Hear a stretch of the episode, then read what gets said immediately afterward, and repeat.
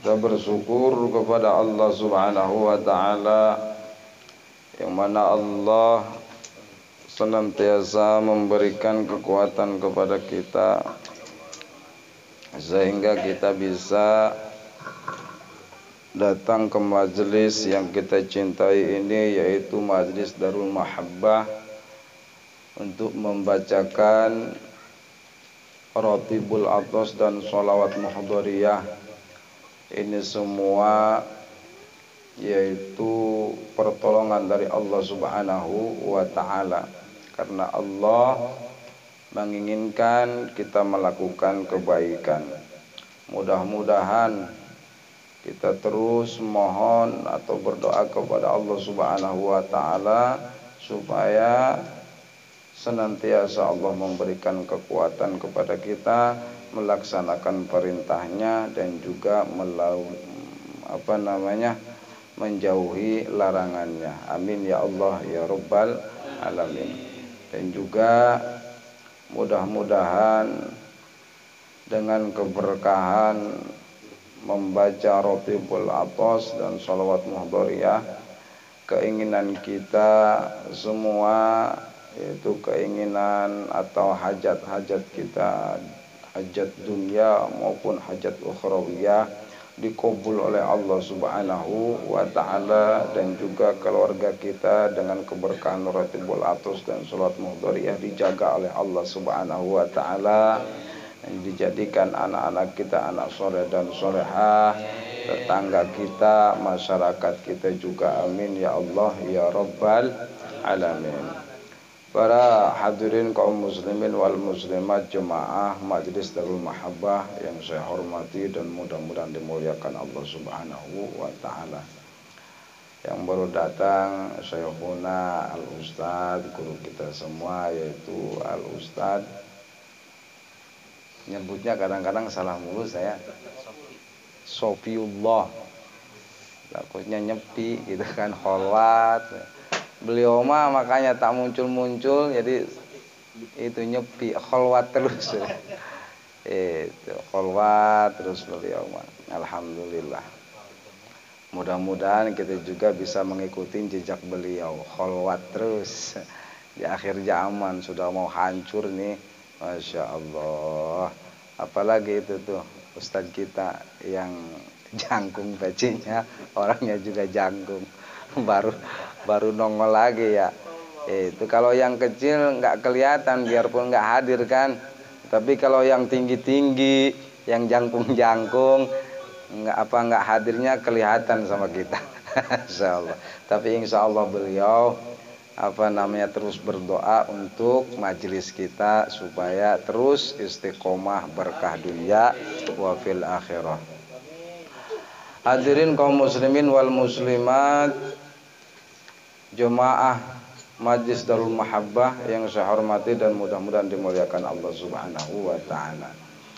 Saya menulis hadis dari dari kitab apa ya? Lupa ya. Ini untuk kita untuk menjaga amal-amal kita supaya amal kita di akhirat pun tetap milik kita ya karena apa karena ada kemungkinan juga amal baik kita amal bagus kita yaitu sholat kita puasa kita zakat kita jadi milik orang lain. Naudzubillah summa naudzubillah. Pertahankan di pagar yang kuat sama kita sholat kita seterusnya tadi yang saya katakan puasa, zakat dan lain sebagainya dipagar kuat-kuat sama kita supaya di sananya juga jadi milik kita. Supaya jadi jangan jadi orang merugi. Karena ini kata Rasulullah sallallahu alaihi wasallam Rasulullah sallallahu alaihi wasallam bertanya kepada para sahabat atau Rasulullah atadruna mal muflis Qalu al-muflis bina ma la dirhamalah wala mata. Kata Rasulullah kepada para sahabat, Wahai para sahabat, apakah kalian tahu orang yang muflis? Muflis itu orang yang rugi, bangkrut. Qalu menjawab para sahabat atas pertanyaan baginda kita Nabi besar Muhammad sallallahu alaihi wasallam al muflis bina ma la dirhamallah wala mata'a itu jawab para sahabat kepada Rasulullah Ya Rasulullah menurut kami orang yang muflis orang yang rugi orang yang bangkrut itu orang yang tidak mempunyai dirham, orang yang tidak mempunyai harta ben, benda. Itulah menurut kami ya Rasulullah. Fakal maka Rasulullah sallallahu alaihi wasallam berkata, "Innal muflis min ummati ya'ti yaumal qiyamati bi salatin wa siyamin wa zakatin." wa ya'ti qad syatama hadza wa qadhafa hadza wa akala mal hadza wa safaka dama hadza wa daraba hadza fa yu'ta hadza min hasanatihi wa hadza min hasanatihi fa in faniyat hasanatuhu qabla an yuqda ma alaihi ukhida min khatayahum faturihat alaihi thumma turiha fitnar masyaallah Masya Allah ini ya. Tetapi kata Rasulullah Sallallahu Alaihi Wasallam yang dikatakan yang dijawab sama para sahabat. Nah, terus Rasulullah Sallallahu Alaihi Wasallam berkata, sesungguhnya orang yang muflis itu dari golongan umatku kata Rasulullah adalah orang-orang yang datang di yaumil qiyamah membawa pahala sholat dibawa Fahala puasa dibawa Fahala zakat dibawa Tetapi Umatku tadi juga membawa Pahala dosa. Bukan pahala dosa mah ya. Membawa dosa-dosa juga. Dosa apa? Dosa mencela orang lain. Dan juga dosa menuduh orang lain. Dan juga dosa memakan harta orang lain. Dan juga membunuh dan juga memukul dosa memukul orang lain fayu'ta hadza min hasanati nah fahala fahala tadi yang dibawa di yaumil qiyamah akan diberikan kepada orang-orang yang pernah kita zalimi terus dikasih. Itu pun kalau cukup. Bagaimana tidak cukup? Kalau tidak cukup untuk membayar hutang mungkin jadinya ini kayaknya ya ditukar jadinya. Ditukar. Kalau tidak cukup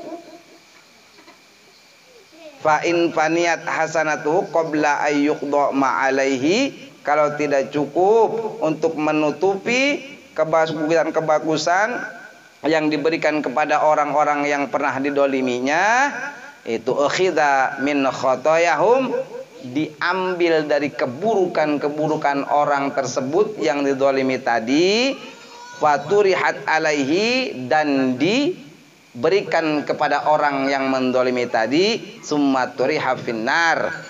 Terus dilemparkan ke dalam neraka Allah Subhanahu wa taala. Naudzubillah summa naudzubillah. Jadi ini dongengnya ini dongeng tadinya ahli surga menjadi ahli neraka. Yang tadinya dicap menjadi ahli neraka jadi ahli surga gara-gara Masya Allah yang tadi itu.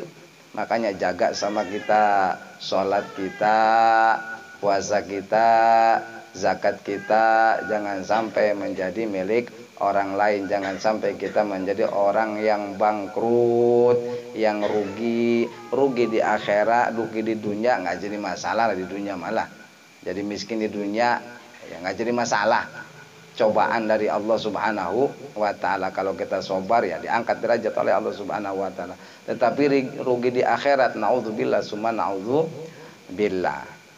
Dijaganya dengan apa tadi? Jangan sampai kita berdolim berbuat dolim terhadap orang lain. Tadi membunuh ini dongengnya mungkin dongeng preman ya yang tadi yang membunuh itu ya itu misalnya preman jago bentar-bentar bunuh bentar-bentar bunuh itu hati-hati nanti. Kalaupun dia sholat zakat puasa diambil sama orang nantinya. Dia akan menjadi orang rugi. Intinya tidak akan lama-lama saya berbicara karena banyak para ustadz yang sudah paham di bidang ini. Intinya hadis ini untuk kita kalau pengen selamat di akhirat nanti ibadah karena Allah terus melakukan kebaikan-kebaikan kepada uh, sesama manu manusia. Insya Allah di dunia kita baik di akhirat bah baik. Karena dunia ini suruhnya akhir akhirat. Di dunia menjadi orang baik sudah barang tentu di akhirat akan menjadi ba baik. Di dunia mendapat surga di akhirat juga akan mendapat surga orang yang tak pernah doli menyakiti orang lain kan hidupnya enak di dunia saja sudah mendapatkan sur surga nanti juga di akhirat mendapatkan surganya Allah Subhanahu wa taala. Mudah-mudahan kita jadi penghuni surganya Allah Subhanahu wa taala segala dosa kita diampuni oleh Allah Subhanahu wa taala. Amin ya Allah ya rabbal alamin. Ya seterusnya kita biasa ngopi. Wassalamualaikum warahmatullahi wabarakatuh.